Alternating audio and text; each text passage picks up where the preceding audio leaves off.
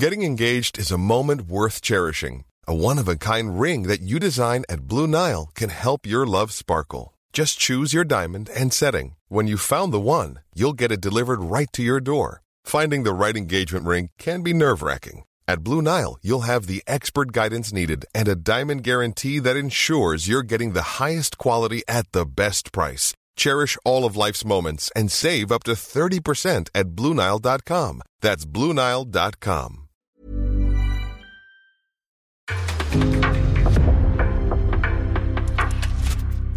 En podcast från Aftonbladet. In the supermarket, you have eggs class 1, class 2, class 3. And some are more expensive than others, and some give you better omelets. That's the wrong information. Wrong, wrong, wrong information. I didn't say that. That's the wrong information. Do you think I'm an idiot? Wrong, wrong, wrong information. Now look at me when I talk to you. Your job is to tell the truth. Sillypodden, välkomna ska ni vara hit denna dagen före midsommar. Eh, Du och jag Makoto och alla tittare live, TikTok och YouTube, välkomna hit. Eh, Vi har i vanlig ordning hur mycket som helst att gå igenom. Det är eh, sportchefsbyte eventuellt då i Chelsea i alla fall kommer man ju eh, gå skilda vägar med Marina Graniskovs, Gra, Granovskaja. Granovskaja. Bra start. Eh, och eh, vi får väl se vem som kommer in där då eh, istället. Eh, massor med, eh, med rykten i vanlig ordning, eh, eventuellt ett nytt bud på Frankie de Jong, annars väldigt lite i Manchester United än så länge. Det händer lite och det börjar tisslas och tasslas och nu börjar de här uppgifterna dyka upp här och var de där Cristiano Ronaldo besviken över uteblivna värvningar eh, uppgifterna brukar väl dyka upp nu också. Ja, precis. Det är ju många namn de har missat hittills de har ju, det är ju, grejen är väl att Frenkie de Jong är den de måste få in. Att det är Ja, prioriterat. Det är ju den prioriterade Ja. värvningen. Och sen kan de börja agera Mm. egentligen. För att det är ju frågan hur mycket de spenderar på Frenkie de Jong avgör hur mycket man kan spendera på andra spelare och så vidare. Mm. Ska vi börja där och, försöka utveckla det här lite grann om just Frankie de Jong. Eh, nytt bud på väg in har det pratats om att man eh, nu ja, samlar krafterna för att eh, få ihop ett bud som ska vara tillräckligt stort för att Barcelona ska vara nöjda då. Eh, samtidigt står ju inte Barcelona med ryggen mot väggen som man gjorde för ett par veckor sedan nu när man eh, då röstade igenom de här försäljningarna utav eh, framtida merchförsäljning och framtida tv-intäkter. Ehm, så vi får se, men känslan är väl att Frank borde dyka upp här om någon vecka eller två för att, vad har vi en, två veckor kvar innan försäsongen börjar? Ja, och uh, Ten Hag har ju sagt att han vill ha med Frenkie de eller det sägs att han vill ha med honom på just försäsongen direkt för att få in honom det- i laget och det är ja. jätteviktigt att få in honom. Ja det är jätteviktigt att få in honom, alltså ehm, Ten Hag ska sätta ett, eller Ten Hag, nu ska vi vara noggranna Av någon Nej, vi ska av inte köra Ten av, Hag. av, av, av någon anledning ska vi vara noggranna med precis just det här namnet och inga Bara- andra bara namn. namnet. inga andra namn Men Eh, Eh, det är extremt viktigt, han ska sätta en, eh, ta över ett helt nytt lager, en helt ny grupp, att få ha den gruppen så intakt som möjligt från dag ett. Jag menar, mycket utav, utav det här projektet kommer ju faktiskt kretsa runt Frankie de Jong den här säsongen. Det är ju känslan man har. Det är en spelare som Ten Hag eh, känner till, som han känner, eh, som man vet vad han kan få eh, utav och som framför allt då såklart det är, en kvalitet som det där mittfältet inte har. Eh, kanske med undantag av Bruno Fernandes även om han är mer en forward. Eh, så att det är oerhört viktigt att, de, att han kommer in här och eh, vi tror väl att även Manchester United inser att det är oerhört viktigt att det här blir av ganska snart. Ja, sen är det ju Manchester United vill inte vara laget som på något sätt alltså hjälper Barcelona ur sitt problem. Och det som talar för, det som är intressanta som har dykt upp nu är att först var ju tanken, att de kanske inte behöver sälja Frenkie de Jong i och med de här ekonomiska boosten som han har fått. Nu verkar det ju snarare som att det kanske är sportsliga skäl som Barcelona egentligen säljer Frenkie de Jong. För att Xavi ska ju vara väldigt, alltså ordet ja, besatt har använts liksom i spansk press av Bernardo Silva.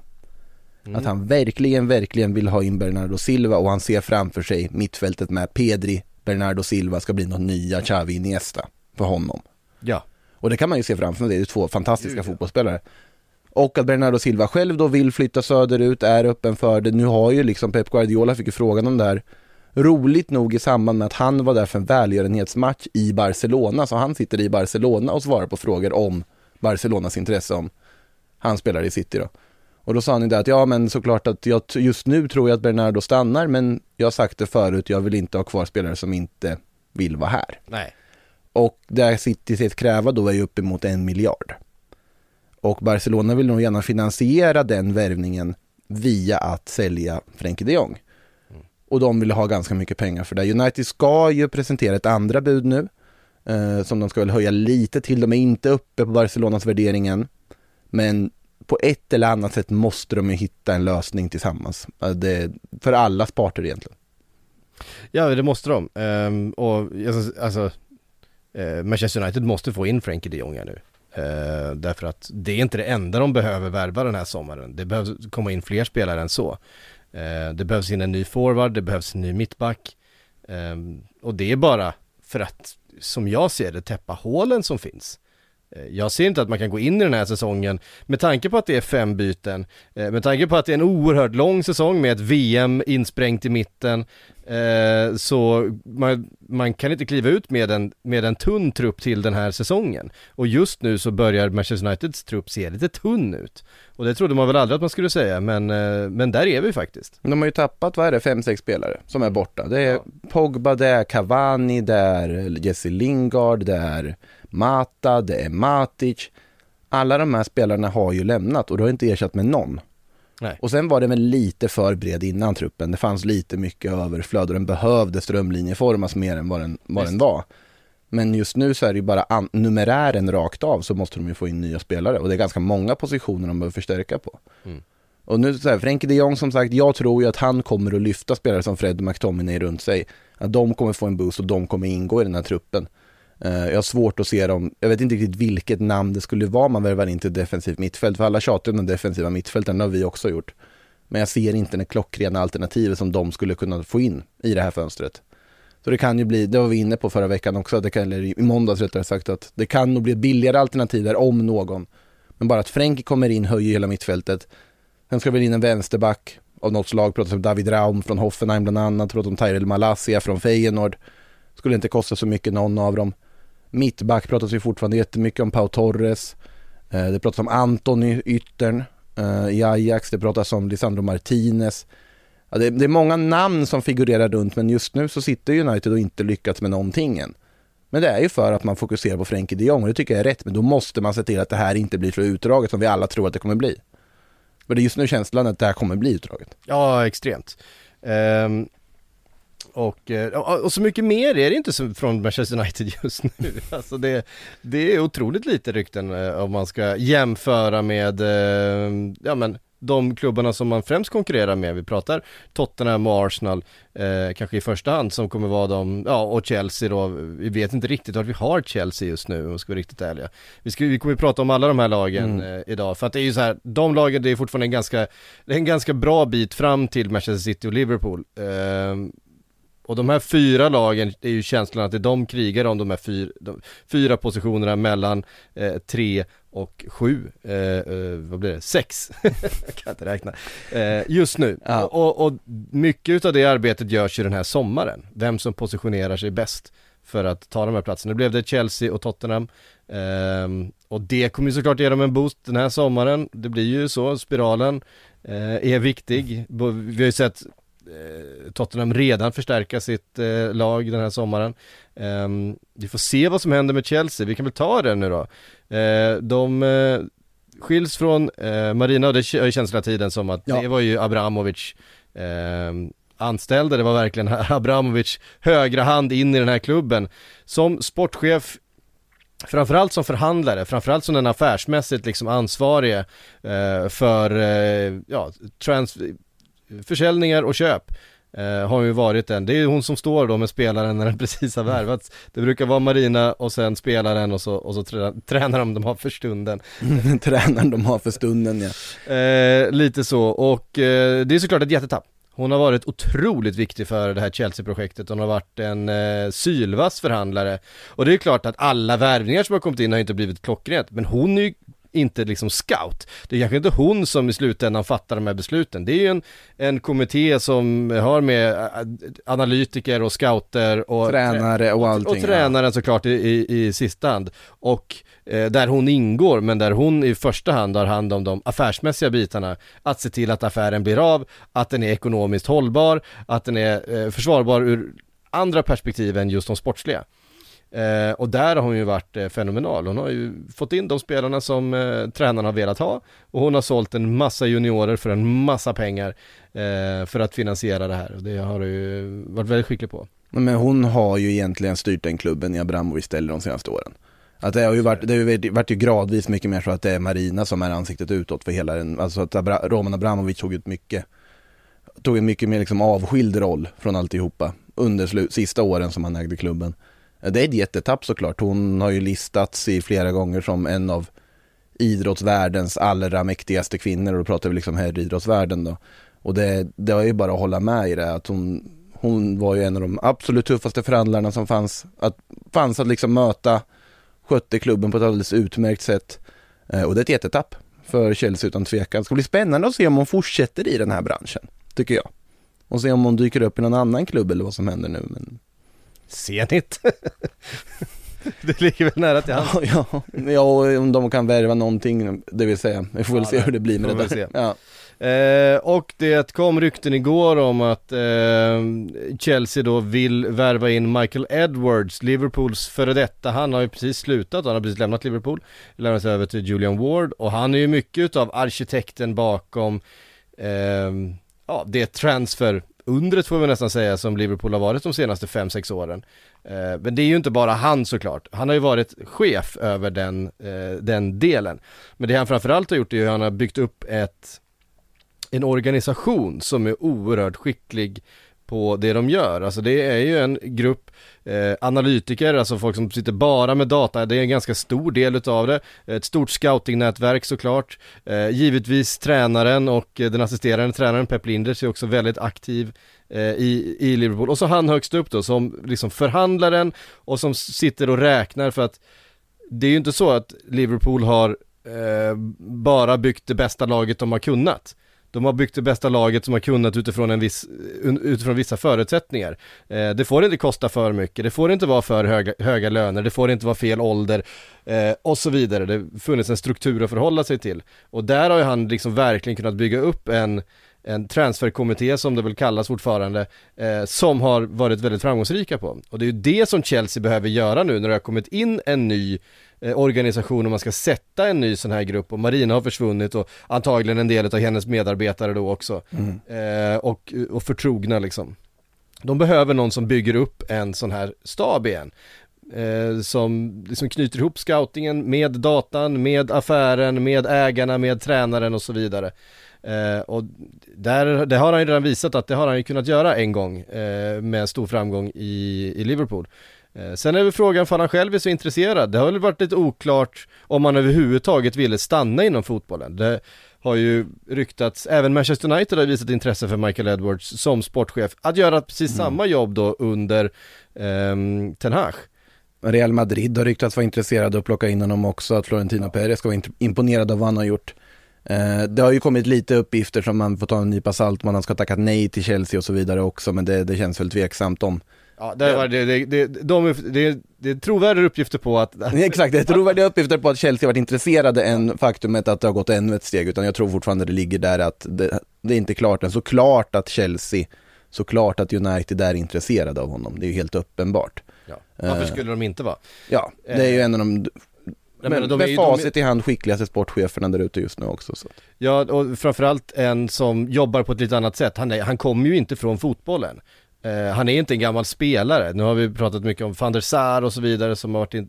utan Han kommer ju från datasidan. Han var ju dataanalytiker. Han, var, han, han analyserade fotbollsdata för Liverpool. Det var ju den vägen han kom. Eh, Och det är ju det som är hans bakgrund och det som är han är så skicklig på. Det är ju att lägga det här pusslet mellan, mellan plus och minus. Hur hittar vi liksom den bästa balansen i allt det här? Eh, och tillsammans då med, med tränaren. Och det är ju liksom mer den, den moderna sportchefstypen. eh, Monchi var ju väldigt mycket sån också. Mm. Eh, han kunde lägga det pusslet, han hade eh, bra koll på sitt scoutingnätverk, han kunde liksom, eh, han kunde agera efter värden väldigt mycket och efter data och så vidare. Eh, så att det är en, en modern sportchef helt enkelt. Eh, och det har hänt rätt mycket de senaste tio åren på just de här områdena. Det går liksom inte att bara plocka in en spelare eller en en, eh, en före detta spelare eller en före detta tränare eller vad det nu är som sitter och handplockar spelare runt om i Europa för att de eh, har varit bra förra säsongen. Det är så otroligt mycket mer som ska in i allt det här. Eh, det ska också vara en spelare som tränaren sen ska kunna få in i en grupp. Eh, Och ändå görs det så orimliga värvningar fortfarande varje sommar. Som man inte överhuvudtaget kan se någon logik i. ja. Och med det så, det för oss direkt in på Arsenal. Vad, vad, vad tycker du de har gjort för ologisk Nej jag tycker inte att de, de gjorde mycket förr i, i tiden. Eh, mycket tveksamma förlängningar framförallt. Eh, man tänker på Mesut Özil och eh, Men där har det verkligen hänt någonting. Det känns som Arteta, Manchester City har ju också länge befunnit sig på en plats där eh, där En bra plats. Ja, där scoutingen har fungerat, där, ja, men allt det här arbetet har, har varit framgångsrikt och man har jobbat metodiskt med en Mm. stor Eh, stab av analytiker, av scouter, av eh, eh taktiskt väldigt eh, slipade personer runt omkring Pep Guardiola. Eh, känslan är att Arteta har fått med sig den kulturen eh, in i Arsenal där det var väldigt mycket eh, Wenger såklart en gång i tiden som styrde och ställde och var både tränare och sportchef och manager och allt sånt där på, som det var förr i tiden. Den gamla typens manager var ju alltihop. Eh, Wenger och Ferguson och, och alla de där, de, de var ju liksom eh, Managers. Det är ju skillnad på de- manager och tränare har jag lärt mig en gång i tiden. I alla fall på Ja svenska. men de var ju managers på liksom, eh, på det gamla sättet. Mm. Eh, och sen såklart att det fanns scouter och förhandlare och sådana saker eh, i verksamheten också. Men nu är de mycket större organisationer och där får jag känslan i alla fall eh, att Arsenal faktiskt har fått till en Eh, fungerande organisation under Arteta. Det var att titta på förra sommaren att man, man handplockar Eh, jag menar en spelare som Aaron Ramsey som jag inte trodde på alls, ingen trodde på, han kommer in och är helt perfekt för det här laget. Eh, en Tomiyasu som Ja men ingen liksom, han hade, han hade helt kunnat hamna i Championship, vad jag liksom hade koll på. Jag hörde Aaron Ramsey men jag gissar på att du sa Aaron Ramsdale. Aaron Ramsdale menar jag, sa det, det, är Jag tänkte, nu, hur långt tillbaka i tiden hoppar vi nu tänkte jag. Ja men det är väl tillbaks på den där, han var ju för sig en, en Han var en jättebra värvning en gång i tiden så det är inget fel. Men Ramsdale är i alla Han var en fall. sämre värvning utav Juventus. Ja och av Glasgow Rangers här nu senast som inte jävlar. ville behålla honom. Nu ska de försöka bryta hans kontrakt i Juventus på något vänster. Ja det var ju fantastiskt där i, eh, eller fantastiskt, i Europa League. Han har inte spelat en minut, kommer in för att, för, till straffläggning, den enda som bränner straff. Ja det, det gjorde lite ont ändå att se tycker jag. Det gjorde det faktiskt. Eh, nej men angående Arsenal så, som sagt, på tal om också bara sätta en gammal spelare på sportchefsrollen och se hur det funkar så är det ju det man gjorde med Edu och det har ju faktiskt funkat bra. Tycker Ja, jag. men där, men där känns det ju som att eh, det också finns en organisation där, där eh, Arteta har tagit med sig en kultur lite grann ifrån Manchester City. Eh, runt hur han vill ha eh, organisationen runt, eh, runt värvningar och runt scouting och, och eh, sådär. Och nu pratas det om Rafinha vilket vore en eh, förträfflig värvning såklart för, för Arsenal. Jag tycker det finns en beslutsamhet hos Arsenal som inte fanns heller innan. Att till exempel den här Fabio Vieira-värvningen som kom från absolut ingenstans. Mm. Eh, det är inte ofta vi ser Arsenal göra den typen av bara pang, han ska vi ha, nu värvar vi honom. Och att det är så tyst om det innan det blir liksom klart. Eh, Rafin... Det är en stor skillnad, för jag menar hur mycket Lacazette pratade vi innan han väl dök upp? mycket, allting var ju läckt, varenda konversation runt, eh, runt Lacazette var ju läckt. Eh, alltså fem minuter efter att eh, de hade yttrats i ett, eh, i ett slutet rum. Det gick ju ut live allting som sades som Lacazette Det är, en, det, är, det är en annan, eh, en, en annan tid nu.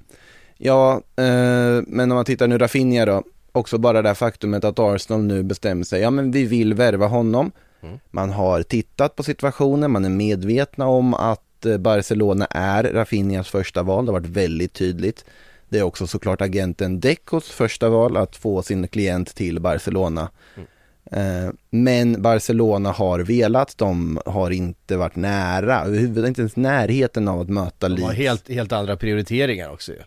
Ja, vi, kom, vi kommer in lite på Osman Dembélé sen ska vi göra och då, det, det är ju samma position vi pratar för Rafinha var ju tänkt som en sorts Osman Dembélé-ersättare.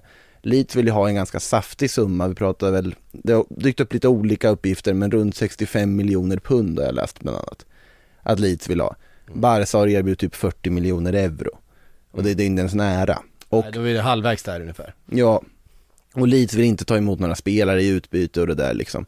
Nej. Så att, eh, men de har väl insett att vi kommer bli av med Rafinha. Däremot så har ju alla Londonklubbar suttit och väntat här nu, Arsenal, Tottenham, Chelsea, för alla de tre verkar ju på något sätt vilja ha Rafinha eller vara intresserade. Eh, Chelsea sägs ju vara Rafinhas andrahandsval ifall han nu inte skulle få Barcelona, vilket han väl börjar tvivla på om han kommer att kunna få, få igenom. Eh, Tottenham ser ju inte Rafinha som första valet utan de ser snarare någon annan spelare som första valet. Eh, till exempel Rikarlison kan man ju tänka sig att det åsyftas då. Och Arsenal ser Rafinha som ett första val att värva in på den positionen som en ytter för att få extra offensiv kraft. Och det är en jättebra värvning av dem om de lyckas. Men att de är inne och börjar buda nu och visar sitt intresse väldigt tydligt, det tycker jag ändå är ett gott tecken. Och jag tror att det är inte omöjligt att tänka sig att Arsenal lyckas lösa det här också. Nej, eh, nej men jag, blev väldigt imponerad över Arsenals säsong. Eh, ja. Alltså, mm, processen. Det som blev lite hånat när man förlorade de tre första matcherna, haha, trust the process. Men det var precis vad man skulle göra, lita på processen för att Arteta har ju visat att han har en plan. Han har en metod, han har ett sätt att eh, ta sig an det här projektet på.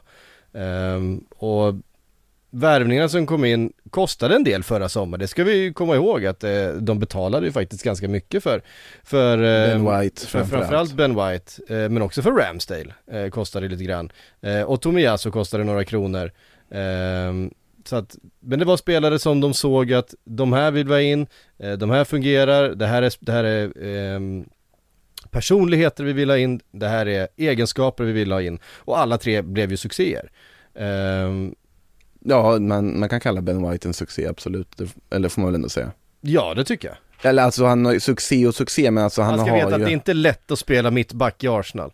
Eh, det är men- många som har försökt och misslyckats. Det har ju varit framgångsrikt på så sätt att efter en tuff start så har han ju kommit igång och faktiskt varit väldigt bra i det där försvaret tillsammans med Gabriel som ju, man får säga ett fynd med facit i hand också. Ja, verkligen. Eh, vi får se om de får behålla Gabriel, det pratas ju ändå lite och tisslas och tasslas om att de kan tänka sig sälja honom, jag tror ju inte de gör det. Nej, det tror jag inte. Eh, men det kan ju vara kopplat till att man vill ha till exempel då Martinen från Ajax som det pratas jättemycket om, men han ska ju kunna användas till vänster också. Eh, precis som centralt och skulle kunna vara ett bra truppkomplement på så vis. Men det känns tydligt att Arsenal har en idé vad de vill göra i alla fall. Mm. Sen får vi väl se hur det blir med Thielemans. Eh, vad som händer där eller inte. Det är olika uppgifter om, man, om Arsenal är intresserad eller inte någon mer där i och med Fabio Vieira-värvningen. Men däremot Gabriel Jesus verkar ju allt mer tyda på att han kommer att hamna i Arsenal. Han verkar ju vilja gå till Arsenal också och de är väl redo att betala det som krävs för det. Det här lär bli en ganska dyr värvning också. Men... Det lämnar en ganska dyr värvning, men det, kan, det har också en otrolig potential den värvningen. Ja, det kan ju bli hur bra som helst. Ga- Gabriel Jesus är fortfarande på något sätt underskattad. Men det är för att han inte gör så mycket mål, alltså, Men det är väl nu det blir upp till bevis om man är över eller underskattad. ja, Det är lite så jag ser det. ja, det, Han har ju varit svårdefinierad. han har varit svårdefinierad, det är också så här att det är svårt att spela, det är som man, man tänker att det ska vara väldigt lätt att spela, spela striker i, i, i Manchester City med de fantastiska liksom assistfötterna som finns på Mm. mittfältet och yttrarna runt omkring. Men jag tror att det är mycket svårare än man tror. Jag tror att du har ett krav på dig att röra dig på ett speciellt sätt, att eh, inte springa i vägen för eh, dina Mares och Sterling och Foden och så vidare. Ehm, han kommer kanske få lite större frihet i, eh, i Arsenal och framförallt får han vara en större stjärna i Arsenal. Han får ju vara den personen som ska göra det, han får ju vara den offensiva fokuspunkten som han aldrig riktigt fick vara. Först stod han i skuggan av eh, Agüero och sen när Agüero försvann, ja då vart det lite så här, ja men då skulle liksom Kevin De Bruyne spela falsk nia plötsligt och Jesus ut på en kant och så vidare. Det, eh, det blev aldrig riktigt hack, varken hackat eller malet men samtidigt så har han ju ett fantastiskt målsnitt ändå, Gabriel Jesus, och eh, han är ju sällan dålig, eh, någonsin när man ser honom. Jättebra i brasilianska landslaget också. Ja, han, har ju, han får ju sina liksom ups and downs. Att han har perioder där han bara fullkomligt öser in mål, så han perioder där han känns helt iskall. Eh, Ja, men, men då är det över, ofta perioder då han liksom eh, petas, eh, inte Han- får spela så mycket, det går dåligt för laget i allmänhet. Eh, Nej, alltså som sagt, det är ju det som ska bli så spännande att se vad håller han egentligen för nivå. Om han får det här orubbliga förtroendet som jag tror att han kommer ändå få i Arsenal som nummer nio. Eh, nu finns ju Eddie Nketiah där också som ju kommer att få speltid, han skulle inte han få nummer 14 eh, och förlängas med. Men eh, jag tycker det känns spännande och jag har ju sagt det från början att Gabriel Jesus känns som rätt värvning för Arsenal för, för alla parter egentligen där så att ur det här perspektivet så är det ju, den lär nog hända och den eh, känns smart för alla. Mm. Lite intressant här nu, jag läser bland YouTube, YouTube-kommentarerna som rullar in att eh, eh, först är det eh, den ena efter den andra skriver mer Arsenal, kan ni snacka mer Arsenal? Och sen nu snackar vi ganska mycket Arsenal. Ja, och sen skriver Adam Muren, hur ledsna är ni, är ni över contentmässigt att silly-favoriten Arsenal verkar jobba mer och mer, är det tysta med sina transfers? Jag tror att supporterna är de mest frustrerade av vad jag kan läsa av de här de, de, är lite för, de är lite för välskötta och för tydliga. Alltså nu, här, Fabio Vieira, det friskar ju upp att det bara dök upp från ingenstans. Eh, en liksom random portugis som tydligen ska vara väldigt bra som man inte har sett så mycket av men statsen talar sitt tydliga språk. Mm. Eh, ser ganska timid och snäll ut. Man, man ser honom på bild där. Eh, lite såhär skolpojke-aura över det. Men han kan säkert jättebra. Det får vi se hur det, vad han får för utveckling i Arsenal-tröjan liksom. Men överlag att de är så tydliga att man, de vill ha Gabriel Jesus, nu börjar de buda på Rafinha, de vill ha möjligtvis någon back till. Skulle kunna bli Aaron Hickey också som det pratas om en del i Bologna, ytterbacken. Som då skulle vara understudy till um, Tierney då. Uh, så att de har ju koll på grejerna nu Arsenal, det är väl det som är lite där att det känns smart men det är inget som man liksom går igång på, att det, det är ingen, liksom, inget kaos i Arsenal. Ja men det känns som att de har kommit in i matchen nu och att den, den där eh, eh, tomrummet efter Wenger liksom sakta har fyllts i med någonting. Vågar du säga det här? Eh, vi men vet ju vad som händer när vi tror att det här ska ske.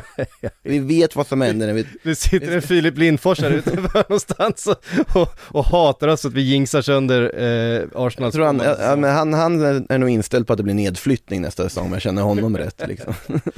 Eh, men eh, ja, det ja, jag, jag är imponerad av Arsenal, jag tyckte de gjorde en jättefin säsong, de föll på målsnöret, men ska inte komma ihåg, de vek verkligen ner sig, de hade den där fjärdeplatsen Ja, ja, ja, de, det, det i var... sina hand, den var ju, de behövde ju egentligen bara jogga hem den, eh, den fjärdeplatsen med tanke på spelschema och Mm. och sådär och de, de sjabblade ju bort det. Vi ska inte komma ihåg att de sjabblade bort den där fjärdeplatsen och att det kan bli kostsamt för de kommer inte kunna värva från samma hylla, konstigt nog, som Tottenham gör just nu. Eh, jag menar de plockar in en Bissoma, en spelare som också har ryktats till Arsenal tidigare, Mm. en spelartyp de hade haft väldigt mycket nytta av.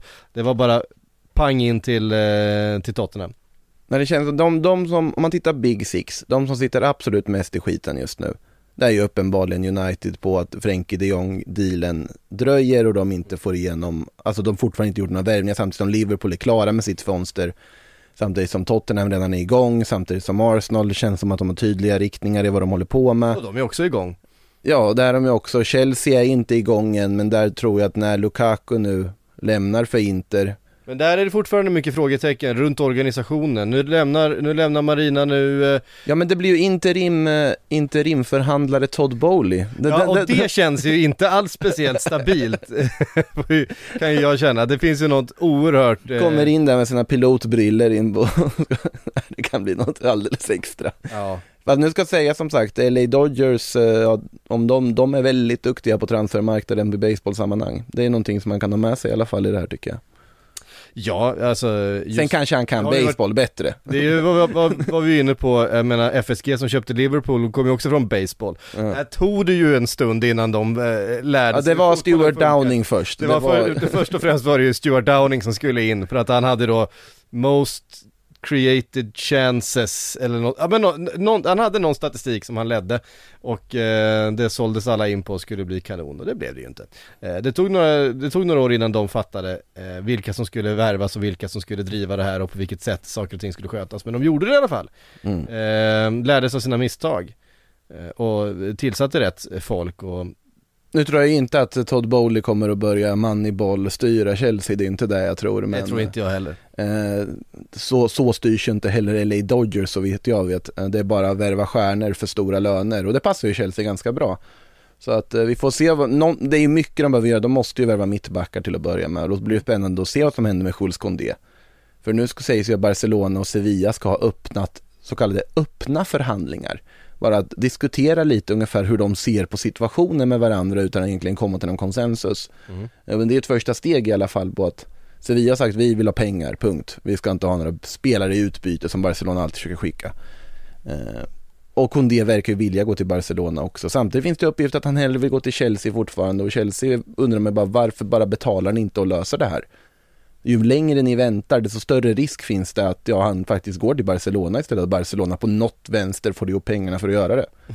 För Bar- Barcelona har ju tre tydliga transfertargets den här sommaren. Det är Lewandowski, det är Jules Koundé, det är Bernardo Silva. Och det låter helt bisarrt att säga det. Ena dagen är de på liksom ruinens brant så går i konkurs, andra dagen ska de vara tre av världens bästa spelare. Så att, Ja. Så är det ibland. det, ja, Eh. i den klubben, det, det är roligt att följa i alla fall. Där händer det ju mycket konstigt. Ja, där händer mycket konstigt. Vi ska prata lite mer Barcelona. Vi ska, eh, vi har en eh, tittare som vi ska ringa upp här alldeles strax. Är det fortfarande tittare när det är en podd live? Eller blir det lys- eller lyssnare? Lyssnare, jag vet inte om han har följt med tv-sändningen där. Hallå, vem är det vi pratar med? Det är Max här. Tjena Max, välkommen till Sillypodden.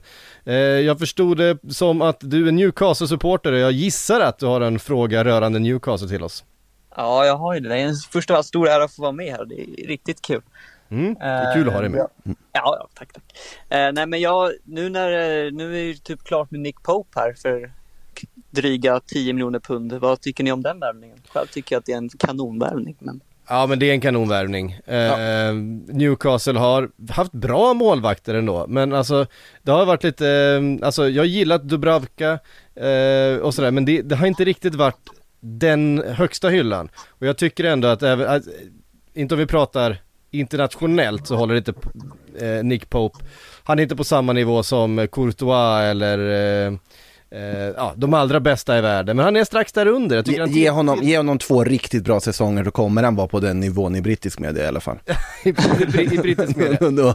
Men han är en riktigt, riktigt bra målvakt. Han är en stabil målvakt. Han har ju visat i Burnley eh, att han eh, har en oerhört hög lägstanivå framförallt. Och det är ju precis vad Newcastle behöver eh, i det här läget.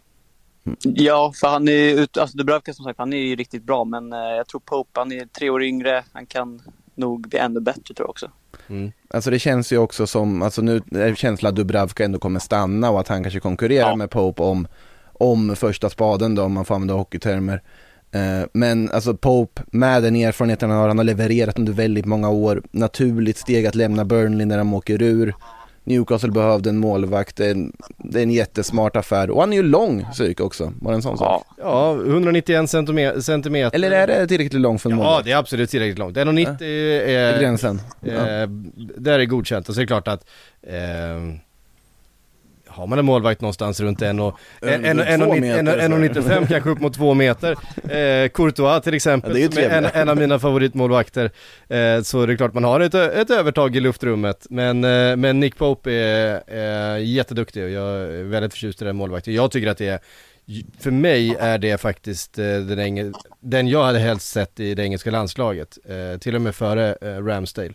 Och framförallt före de andra. Men Ja, den där T-rexen i mål, eh, Pickford, han är inte mycket att ha. alltså Pickford har också sina fördelar men han, han har def, de, des, desto fler nackdelar tycker jag jämfört med eh, både Ramsdale och Nick Pope om jag ska vara riktigt ärlig. Du hade någon fråga om Arsenal också eh, tyckte jag du skrev. Ja, jag skrev det. Men jag såg den där Rafinha-linken och blev lite konfunderad först över varför de skulle behöva en till ytter. Sen så fick jag det väldigt snabbt förklarat för mig av Arsenal-supporterna att att PP ska bort. så att eh, då undrar jag lite, vad, vad hamnar han då? Vem tar emot honom liksom? Det Vem finns kan ett-? Det finns ett jätteroligt rykte angående Nicolas Pepe. Och Ja. det är ju att PSG blickar lite på honom. Vad är det med det, det, här, det här är någonting med PSG Ja, men, han, ja, men, vad han levererade i Lille var ju trots allt det som gjorde att Arsenal betalade den där hutlösa summan för honom. ja visst. Eh, vem var det som var ansvarig i Lille på den tiden? Luis Campos. Som är det är sportchef i, som blir sportchef i PSG nu. Eh, det finns kopplingar att dra på det sättet. De vill ha in en ytter för att konkurrera som ska ersätta Di Maria som ska liksom bara ge bredd i truppen också. Det är väl inte helt otänkbart att de skulle försöka typ låna in honom och värva honom på något billigt sätt. Och han skulle nog inte ha något emot det. Nej, det, gud nej, det tror inte jag heller. Han sitter, ju och nöter bänk i Arsenal just nu. Det, Eh, det håller ju inte. Sen kommer de ju aldrig få tillbaka den summan de betalade för honom. Det är ju inte så att de kommer Nej. vara en plusaffär trots att han var en ung spelare. Eh, hans eh, värde har ju sjunkit liksom eh, kraftigt sen han värvades till, till Arsenal. När, vilket år var han värvad? 2019?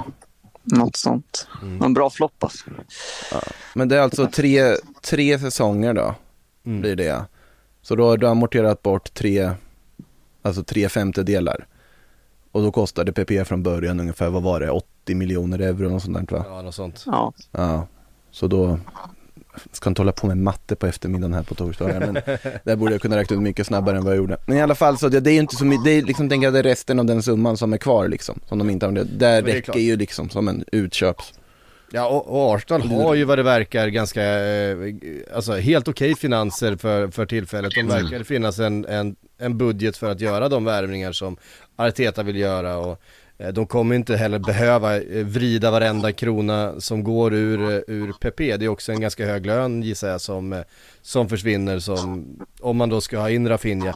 Sen är, vi ska komma ihåg att det är en enormt lång säsong. Det är en enormt eh, tuff säsong också med VM som ligger eh, mitt i. Det är fem byten nu i Premier League, vilket eh, också förändrar situationen ganska kraftigt. Eh, Du kan byta mycket mer, du, du kan då hålla spelare fräscha. Eh, du kommer behöva ha eh, fler spelare, kanske lite bredare trupper, framförallt om du ska vara med och kriga då om de här fjärdeplatsen och det tror jag vi kommer se på alla de här, därför är det lite oroväckande med, med Manchester United. Men hör du Max, jag hoppas du fick svar på din fråga. Eh, tusen tack för att du eh, hörde av dig så vi kunde ringa upp härifrån eh, poddstudion. ja, tack så jättemycket för att jag fick vara med. Ja, inga problem. Vi eh, går vidare Makoto och då ska vi till... Everton till Nicolas Pepe. Det känns ju inte otänkbart heller att de skulle ge sig in. Alltså jag tror inte att de har råd, däremot Nej men de kommer ju ryktas. de jag. kommer ju såklart ryktas. Leicester. Aston Villa, ah, nej nu kan vi gå vidare. Det var en intressant fråga. Ja men det var det, det, det, det man glömmer ju bort Pepe. Ja det är det. Ja, men han är faktiskt en av Premier Leagues dyraste spelare. Genom Ja, det är ju inte Arsenals det- det- dyraste värvning genom tiderna väl. Arsenals dyraste spelare är han väl fortfarande. Eh, Det är ändå sanslöst att man, Får se alltså, hur länge till han är det då, eller om, eh, ja det är klart, Rafinha går ju inte över det heller. nej eh, alltså de tillsatte alltså en intern utredning för att avgöra huruvida de betalar överpris för honom.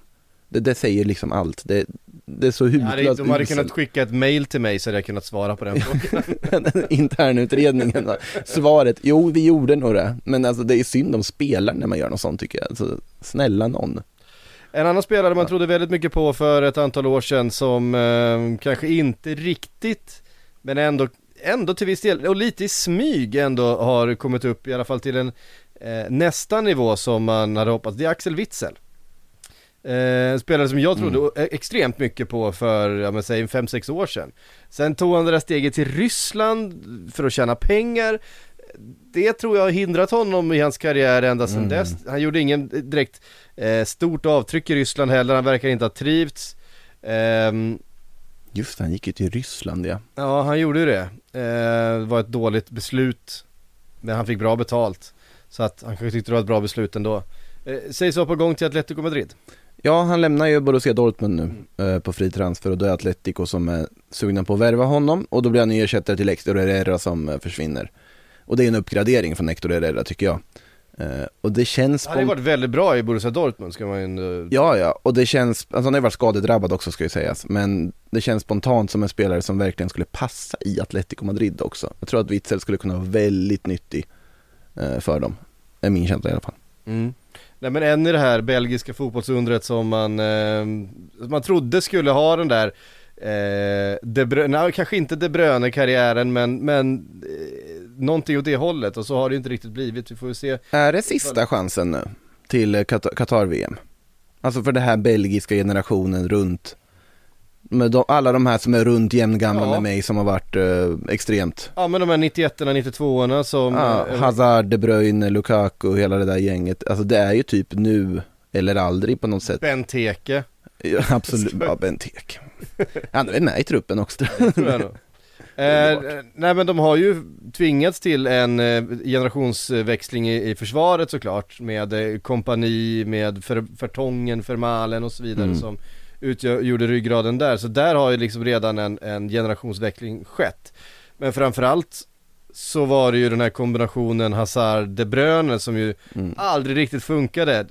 Man drar ju liksom Gerard Lampard eh, känslan får man ju av det här, alltså de är två så otroligt profilerade, kanske inte Eden Hazard de senaste åren då i Real Madrid, men under hans Chelsea-tid och så De Bruyne i, i Manchester City eh, och så skulle de funka tillsammans och det, det, jag vet inte, det funkade bara aldrig riktigt. Eh, de stod liksom på varandras positioner och vi- båda skulle ha mycket boll och två ganska olika spelartyper också. Ehm, Mm. så att jag vet inte, jag håller ju inte Belgien lika högt som jag gjorde, eller som jag gjort de senaste mästerskapen då det har känts som att, ja men tittar man på pappret så ska ju det här laget vara med och slåss om titeln. Nej, jag håller dem inte så högt heller. Det tycker inte jag man gör längre. Visst, de har Courtois längst bak där som jag eh, ändå tycker är världens bästa målvakt. Mm. Ehm, De Bruyne är en av världens bästa mittfältare, Lukaku om han kommer igång nu är en av världens bästa forwards. Alltså de har ju vissa toppar som fortfarande är väldigt höga, men sen Såklart. finns det ju också delar av den truppen där man märker också att Belgien kanske inte är världens största fotbollsnation och att det här är en speciell gyllene generation som vi fått uppleva. vi ska komma ihåg att Belgien är ju befolkningsmässigt ungefär lika stort som Sverige. Så att... Eh, Men det är ju också Uruguay som har alltid fostrat fantastiska landslag till exempel. Det, där har vi ett fotbollsunder. Kanske lite större. Nej men de är ungefär som Sverige tror jag. Uruguay är väl ännu mindre till Ja. Uruguay är ännu mindre, Ja. det är väl kanske, vad är det, 6 miljoner någonting? Något, det är helt sanslöst. Det- Nu är vi väldigt liksom off topic här men alltså hur Uruguay år efter år efter år kan ha så fruktansvärt bra landslag. Ja. Det är fascinerande. Eh, det är det verkligen. Eh, vi eh, skulle ta oss vidare därifrån. Vi bara konstaterar att han är på väg till Atletico Madrid i alla fall. Ja, det verkar vara så gott som klart också, sägs det. Eh, På tal om, det kan man ju också notera då att när... Jag tror att det är lite sista chansen för Axel Witsel också. Att hävda sig i, ett, liksom på den här nivån. Att, att göra den här kontraktet, vad är han? Han är också typ i den åldern. Passerat 30. Ja, det borde han väl ha gjort, eller har han det? Ja, det måste han ha gjort. Nej men alltså den, Känns som sagt, med så det är länge. en smart värvning av Atletico tycker jag. Man får honom billigt, du... eh, Det är en spelare man vet precis vad man får av såklart. Han är, Det finns fö- han är född 89. Så att det här är ju definitivt sista chansen för, eh, för Axel. Det här är hans sista kontrakt. Eh, Ja, han kan, han kan ju göra någon MLS-vända eller, ja, nu, det är inte lika inne att åka till Kina när du blir äldre något mer, men det skulle han ju också kunna göra efter. Ehm, efter Atletico då. Men eh, här och nu så är det ju en smart, en smart övergång för alla parter, kan man väl säga. Jag säger det ofta, varför är alla så välskötta för? Det är bara liksom klockrena övergångar för alla parter hela tiden. Liksom Sadio Mané har vi pratat om också, det känns också bara helt rätt för alla parter. ja, vi, Officiellt nu. Ja, vi kan väl, vi har ju ett par officiella, vi kan eh, bränna av här då ehm, vid 42 minuters eh, markeringen ungefär. Eh, Sadio Mané är helt klar för, eh, Bayern München. för Bayern München, känns ju klockrent. En, ehm, det är ju lite sorgligt att se honom gå såklart som Liverpool-supporter. Han är ju den spelaren som har definierat den här eran, Klopp-eran, mer än någon annan spelare. Mer än Salah, mer än van Dijk, mer än Alisson, mer än Trent Alexander-Arnold. För att det är spelare som har lagts till i takt med att Liverpool har blivit bättre. Att man har fått andra förutsättningar. Men när Sadio Mané kom till Liverpool så var det ett lag som precis hade slutat sjua i ligan. Som hade en ny tränare som visserligen såg extremt spännande ut men som vi fortfarande var lite osäkra på. Sadio Mané kom in och bara tog plats på den där högsta hyllan i världen. Alltså den där bland de absolut bästa forwardsna eh, i ligan och i världen från den första han var liksom den spelaren som visade att ja, vi kan spela på den här nivån även i det här laget. Eh, och var ju, gjorde ju fullständigt kaos från sin högerkant som han spelade på då. Och att han var så framgångsrik eh, och var det liksom den viktigaste spelaren under den säsongen som gjorde att Liverpool då krånglade sig till den här Champions League-platsen ehm, och köpte man Salah och Mm. sen så liksom ehm, Rullade på därifrån ja. rullade på. Coutinho var ju såklart väldigt viktig och såklart, det fanns ju andra bra spelare i, i det här laget men just att han kom in i det skedet man är var, gör att i alla fall jag förknippar honom med hela den här eran för Liverpool där vi liksom gick från ett, liksom ett lag som harvade runt i skuggan utav jättarna ute i Europa och även jättarna i England eh, till att faktiskt kliva upp och utmana dem och ha spelare i, i, i världsklass och att det kändes liksom naturligt. Eh, för även tidigare, men att ta en sån som Luis Suarez, som såklart var världsklass när han spelade, det kändes som ett undantag då på något sätt. Det kändes som att wow, vad har vi snubblat på här för någonting? Det här är ju inte vår normala nivå. Men... Du brukar ju ha Borini, det är där det är. Precis, eh, ja men det kändes faktiskt eh, mm. annorlunda den här gången. Det var ju såklart tack vare Klopp väldigt mycket. Men eh, Sadio Mané är bara 30 år gammal fortfarande, en, en uh, utmärkt fotbollsspelare. Jag tror att han kommer vara fantastisk för Bayern München också. Och ändå känner man att han har varit något underskattad, även om liksom så här Liverpool-fansen såklart håller honom väldigt högt mm. För det han har gjort, så har det ju ändå varit han alltid på något sätt varit i skuggan av Mohamed Salah. Mm. Att det har blivit så på grund av att Salah kanske gjorde mer mål, men också syntes på ett annat sätt. Eh, också nu när liksom kontrakten var på väg ut, det var snack om Salahs kontrakt hit och dit, och oj vad ska Liverpool göra? Det var helt tyst om Mané. Mm. Fram tills... man har vetat. Ja, och det ger lite känslan, man visste kanske att, ja men nu kommer han dra. Och Bayern München på något sätt är perfekt, det är så tydligt hur glada Bayern München är, hur de höjer det. Det här är en värvning, alltså vi har värvat en världsstjärna, en absolut mm. världsstjärna. Och att han får den statusen som han förtjänar, att vara den liksom centerpiece right. i ett av världens bästa lag. Uh, så att det, som sagt, det är, det är en kanon, kanonlösning för hans del, det är en kanonlösning för Bayern som får en fantastisk spelare och för Liverpool som får bra, rimligt betalt för en spelare som är 30 i det här läget efter att ha värvat in Darwin Nunez. Nu är det bara Salah-situationen man måste lösa på något sätt. Ja, och där är ju, jag börjar ju mer med, jag har ju helt, varit helt övertygad om, ja, du har sagt, om ja. att, att, att, ett nytt kontrakt kommer presenteras här under sommaren. Eh, jag börjar nu mer och mer känna att Liverpool kommer inte, kommer inte eh, röra sig från sin position. Eh, de tänker inte bryta sin lönestruktur för mm. Mohamed Salah i det här skedet i hans karriär, eller i det här skedet i, i Liverpools bygge heller. Där de bästa spelarna idag tjänar ungefär 200 000 eh, pund i veckan. Eh, det Mohamed Salah vill ha är 400 000. Eh, det är en enormt hög lön. Eh, han skulle bli en av de bäst betalda i ligan då. Eh, det är väl bara kanske typ Cristiano Ronaldo, eventuellt någon i Manchester City och sådär som skulle tjäna mer. Eh, och det tror jag inte att eh, Liverpool är intresserad av helt enkelt. Eh, då värvar man hellre in en ny talang, eh, en ny lovande spelare, betalar mycket för den spelaren och, och, och utvecklar den men, men behåller sin lönestruktur intakt. Först ska det bli intressant att se hur han levererar i höst. När Mané är borta, när han har liksom en ny kompanjon i Darwin Nunez, vilken nivå kommer Mohamed Salah hålla? Där tror jag kommer avgöra väldigt mycket också vad som händer sen. Mm. Uh, men det blir väldigt spännande att se. Men det, det, vi kommer inte få något svar på det på länge i alla fall. Uh. Ja, jag, det, det, jag tycker det känns lite låst där att uh, mm. man väntar ut varandra lite grann och sen får vi väl se vad som kommer för erbjudanden helt enkelt. Jag tror att, och jag tror att båda parter är ganska tillfreds med, eh, jag tror inte Mohamed Salah har någonting emot att spela en säsong till i Liverpool. Jag tror han trivs jättebra. Jag tror att han och Klopp kommer överens jättebra. Jag tror att han och lagkamraterna kommer överens. Och jag tror han trivs alldeles utmärkt med att kunna välja och vraka på fri transfer. När han, ja, om han ska lämna sen. Det är det som är Barcelona har ju redan hört av sig och sagt att ja, du är välkommen hit. Ja, dit vill han nog då. Eh, om man inte får stanna i Liverpool och får, får de pengarna han vill ha. Mm. Eh, apropå Barcelona och kontrakt, vet du hur lång tid Osman Dembélé har kvar på sitt kontrakt nu? Nej. En vecka. En vecka kvar. Tror du han har några anbud? Ja, jag tror det finns en massa anbud, framförallt från Barcelona. Alltså, nu har ju Chelsea-spåret också svalnat. Det har inte ens kommit något anbud från Chelsea än och de verkar vara intresserade av Sterling istället. Mm. Så det, det kom ju uppgifter här nyligen om att Osman Dembélé sitter och funderar, varför har jag inte fått några anbud? Att ingen vill ha honom. Att han har hamnat i den sitsen nu. Och Xavi ska ha sagt till Barcelona-ledningen, gör ett sista försök att förlänga med Osman Dembélé. Så det kan sluta med att han blir kvar trots allt, vilket hade varit en liksom, Alltså det är ett makalöst slut på en av de mest liksom svängiga, tröttsamma sopper vi har sett när det kommer till spelare och dess kontrakt. Han var liksom totalt utfryst och persona non grata för ett halvår sedan. Tas tillbaka till nåder. Spelar bra.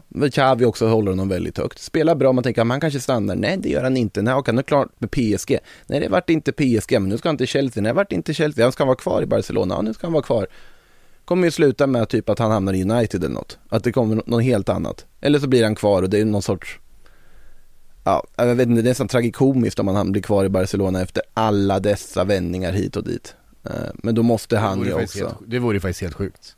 Ja, men det, det är ju det smartaste av dem egentligen. Alltså istället för att lägga massa pengar på Rafinha, förläng med en spelare som är minst lika bra, måste vara skadebenägen. Som Xavi också vill ha. Mm.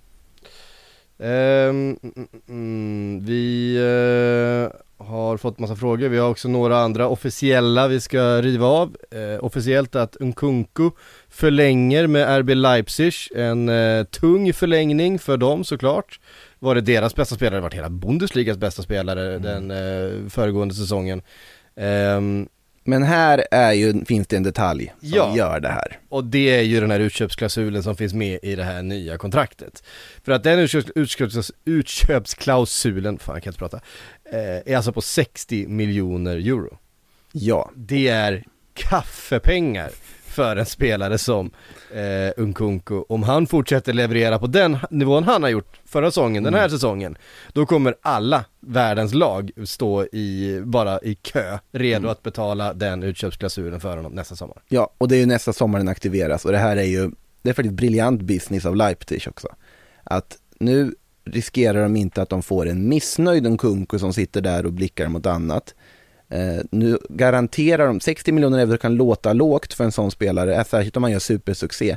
Men nu är de garanterade den summan och de får en spelare som är väldigt viktig för dem som de nu får behålla i ytterligare en säsong. Om de inte hade förlängt med honom, behållit honom i ytterligare en säsong, då har de inte varit i närheten att få de pengarna för då börjar vi prata en kontrakt som håller på att gå ut. För han hade vi till 2024 innan han förlängde det här kontraktet nu till 2026 istället. Nu har du fått satt ett minimipris på vad du kommer få för honom och det är bara det är ju skönt för dem och han kommer ju kunna liksom hypas som bara den fram till 2023 och det är ju så. Om han är minst i närheten lika bra som han var den här säsongen så kommer han bara kunna titta på alla klubbar i världen och peka dit vill jag. Och så lös. Det kommer bli Erling Braut Haalands situation av det. Uh, och det är som sagt det är en jättebra lösning för, eh, för en Kunko själv som inte verkar ha stressat från att lämna Leipzig. Det är en bra lösning för Leipzig som får sin summa framöver och får behålla honom en säsong till. Och det är en ganska bra lösning för alla klubbar som vill ha honom också för att de får dem för det här priset om ett år. Ja. Um, Eh, eh, eh, eh, eh, vad hade vi mer? Vi hade, Pogba var inte officiell än, Nej, men det, det dröjer ju hit och dit, han ska ju till Juventus, det sägs ju. Ja men det verkar ju, allting verkar ju bara vara, vara klart för Juventus här Men eh, det, är inte, det var inte officiellt än Har du börjat titta på Pogbas dokumentärserie på Amazon Prime? Nej jag har inte gjort det Alltså jag orkar inte Pogmentorin. Ja, Pog, har du gjort det? Nej. Jag borde göra det egentligen men jag har inte Ja man får väl ta, eh, jag får sätta lite arbetstid för att göra det känner jag. jag det. Ja, det är arbetstid, det är, Jag känner arbet... fan att det är arbetstid det är arbetstid, det, det är det. Ehm, för att, eh, nej det, det, det går helt enkelt inte. Um, nu ska vi se, vi har också ehm, Sebastian Aller dök ju upp i... Ja men det var den jag skulle till, jag skulle bara ha fram lite statistik här. Jaha, för att han är väl inte officiellt presenterad än va? Eller är han det? mm, I stort sett va? Ja, alltså han har ju dykt upp för medicinsk undersökning, och, men jag tror inte att han har presenterats av Dortmund än som en värvning, men det är ju klart i alla fall. Eh, 35 miljoner euro blir det väl inräknat bonusar som, eh, eller så var det plusbonusar, som eh, Dortmund betalar till Ajax. Det var ju spelaren de ville ha som ersättare till Haaland, en stark, reslig forward som kan göra massa mål. Ja precis, han öste ju verkligen in mål förra hösten framförallt i, inte minst i Champions League. Det kändes som han gjorde fem mål per match ett tag där. det var helt Ja. sjukt hur mycket mål han gjorde. Eh, ja, jag har haft en lite mm, trasslig karriär eh, får man säga. Vändan till West Ham blev ju inte alls som förväntat. Kom ju med väldigt stora Eh, som ett stort löfte till West Ham, det funkade inte alls så som eh, han hade hoppats, eller klubben hade hoppats.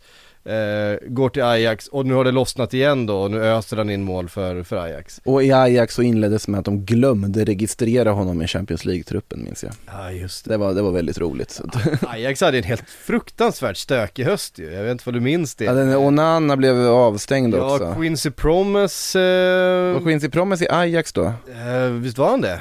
Ja det kanske han var. Eh, Eller var, han, var inte han redan i Spartak eh, Moskva? Han var väl tillbaks från Spartak Moskva, var det inte så det var? Oklart, men det var stökigt med Quincy Promes i alla fall, det kan vi konstatera. Ja, verkligen. Eh, Eh, ja men det var en, en väldigt stökig höst i, i Ajax som eh, ändå Tenach eh, då redde ut. Med, ja precis han är i Spartak nu. Quincy Promise. Han dömdes väl till fängelse va?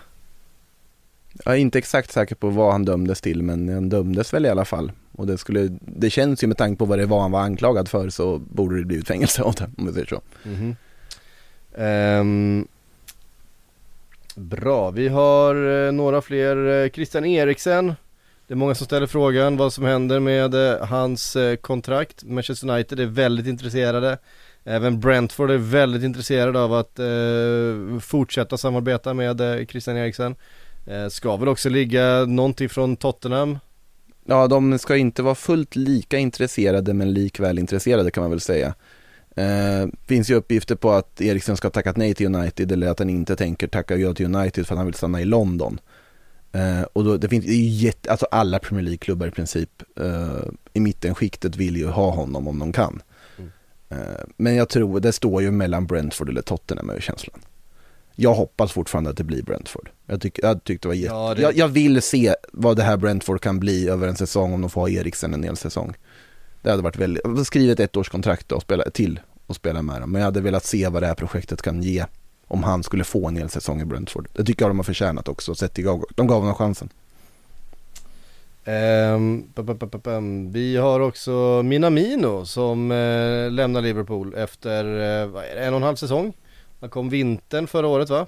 Dubblar väl ungefär vad han, alltså det han kostade att köpa så får det liksom dubblerat nu när man säljer honom. Ja, gå till Monaco. Ja, det, det låter väl som en bra lösning för honom. Eh, alltså det, det blev ju inte riktigt som han hade hoppats i Liverpool, eh, Minamino.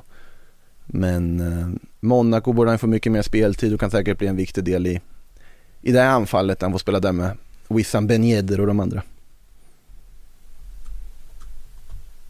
Just det. Eh, vi ska få in lite frågor här också från sociala medier. Ehm, Tommy Karlsson skriver Henderson och Avoni.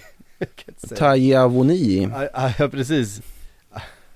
Nej, det går inte. Eh, till Forrest som det verkar, vad tror ni om det? Ja, men Dean Henderson är ju mm, jättespännande. Det är ju en, en Premier League målvakt. Eh, En, en bra, jättebra värvning. en jättebra värvning. Mm. Satt jag vet inte vad de betalar hans lön, men han hade ju faktiskt väldigt hög lön i Manchester United. Jag är osäker på om eh, han får den lönen i, i Forest. Han satt nog på en 100 miljoner pund i veckan. Det var väl lite stökigt där. 100 miljoner pund, hör du vad jag liksom rör till det? Det är, det är för nära midsommar, 100 000 pund i veckan. Eh, det blev väl lite stökigt där med Bryce Samba som stod i mål i Forest förra säsongen och hur han lämnar klubben nu eller han har ju varit ute och liksom diskuterat eh, så här liksom kontraktsförhandlingar och situationer öppet på sociala medier vilket var lite så här underligt i alla fall. Eh, I samband med här nu när Henderson kommer in och det fanns, jag vet inte, jag ska inte gå in för mycket på det för jag vet inte exakt vad det är som har hänt i Bryce Samba-fallet men det har varit diskussioner där i alla fall. Eh, Awoniyi som kommer in också från Bundesliga, det är ju en alltså, duktig forward. Jag vet inte hur gammal han har hunnit bli. Har inte han lite Liverpool-bakgrund också? Awoniyi. Eh, jo det har han ju, Mm. så är det ju. Ehm, så att, eh, ja det kan säkert bli bra. Jag, jag, jag, vet- jag, vet- faktiskt inte. Dean Henderson däremot är jag rätt säker på eh, kommer vara ett lyft för dem. Eh, det är ju liksom en må- man måste ha en målvakt på rätt nivå, på tillräckligt hög nivå för ligan man spelar i annars så blir det väldigt svårt att konkurrera även om du har ett, ett bra lag. Vad ligger Awoniyi på för stats? Måste jag kolla. Ehm, vi kan ta en annan fråga så länge från Niklas Belldal. Han vill att vi ska snacka om Peter Canyons köp av Everton. Vad kan det få för effekt? Eh, jag vet inte, det här är ju inget som eh, på något sätt är klart. Eh, han har väl en gång i tiden kallats för the worst man in football. Eh, Peter Canyon, eh, the most despicable man in football kallades han till och med eh, och har ju en, eh, en lång historia då bland annat i eh, Manchester United och Chelsea. Despicable känns nästan värre än att vara worst man. Det, jag vet inte, det låter mer liksom otrevligt.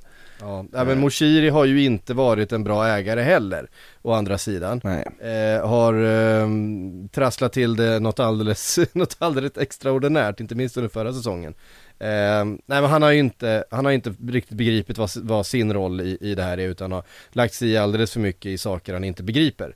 Eh, så är det ju. Eh, och nu finns det då ett snack om ehm, eh, Peter Kenyon som eh, leder då någon slags konsortie som ska vara intresserad över att, att ta över Everton.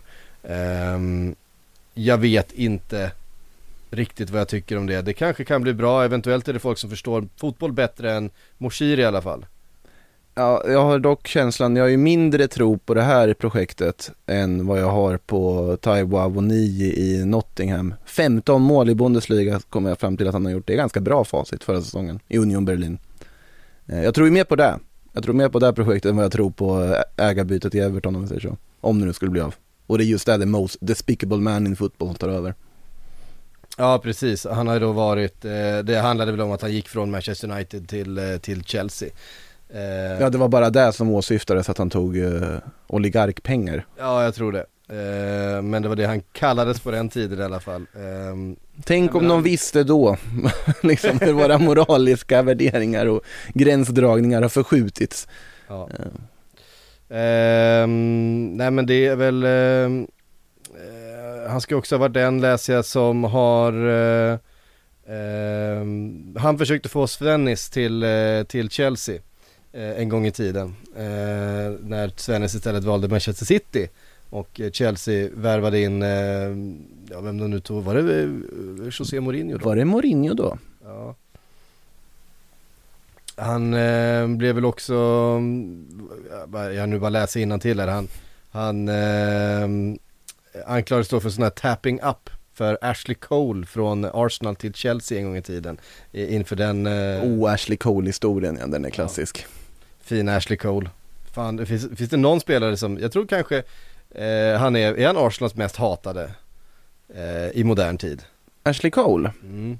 Ja, hela den där telefongrejen och eh, Chelsea-flytten, den var ju nog ganska känslig.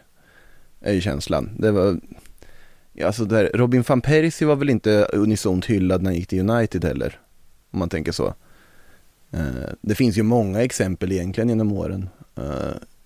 Adebayor var väl inte heller jätteomtyckt när han lämnade.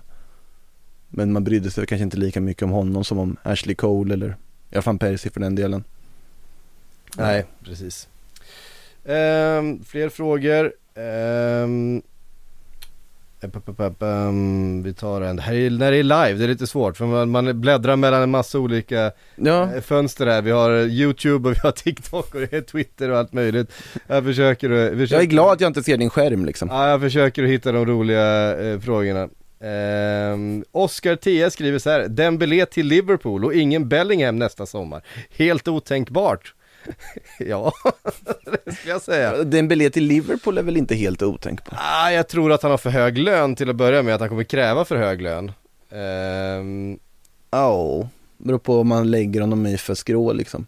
ja, sen så är det klart att eh, han är en fantastisk fotbollsspelare.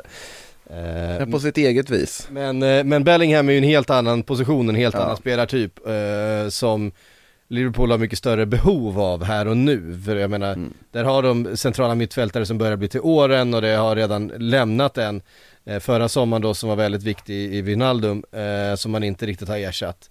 Dessutom så har varken Harvey Elliott eller Curtis Jones visat att de är redo att vara en Ja, Harvey Elliott visade det ju före fot, fotledsskadan, eh, får man säga. Då var han ju precis på väg att slå sig in och bli en startspelare för Liverpool, men även ehm, sen skadan har han ju inte riktigt eh, kunnat Mm. spela på sin, ehm, på sin högsta nivå. Så att den generationsväxlingen har liksom lite uteblivit än så länge.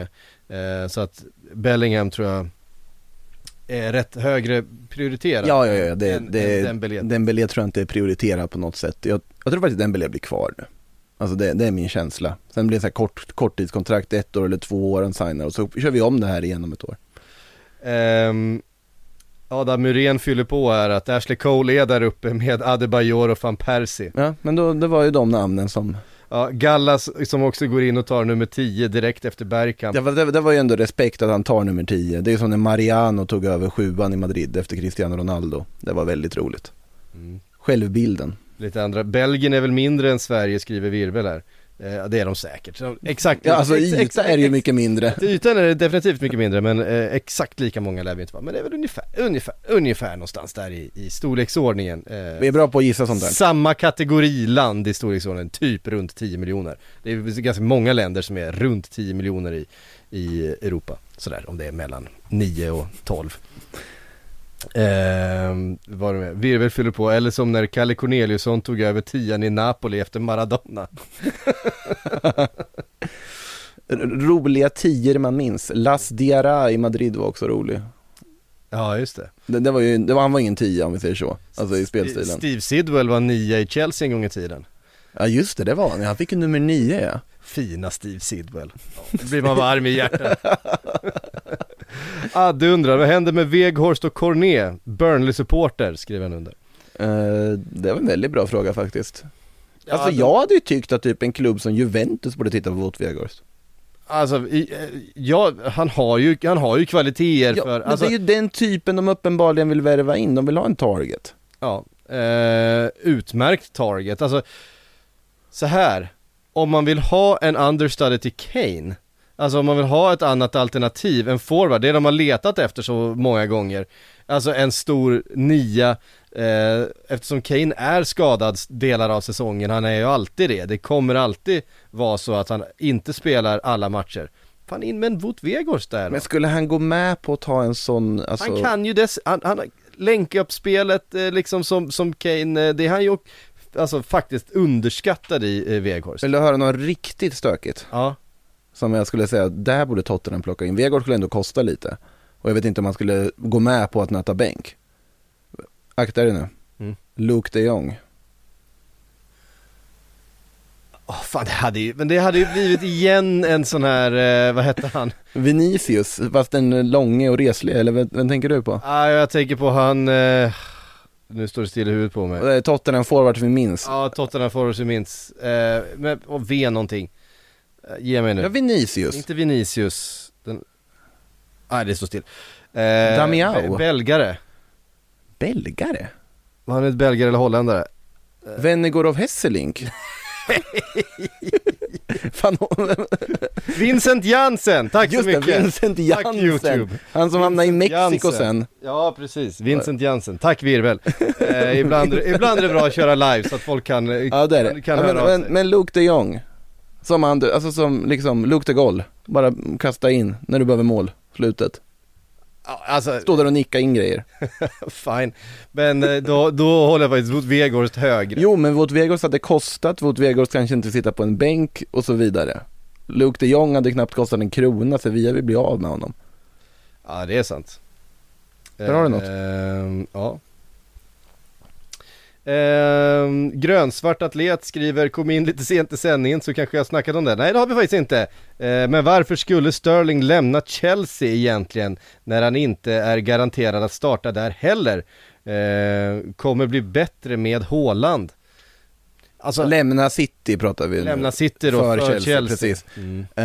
Eh, han skulle nog vara betydligt, alltså ha en större roll i Chelsea offensivt än vad han har i City tror jag.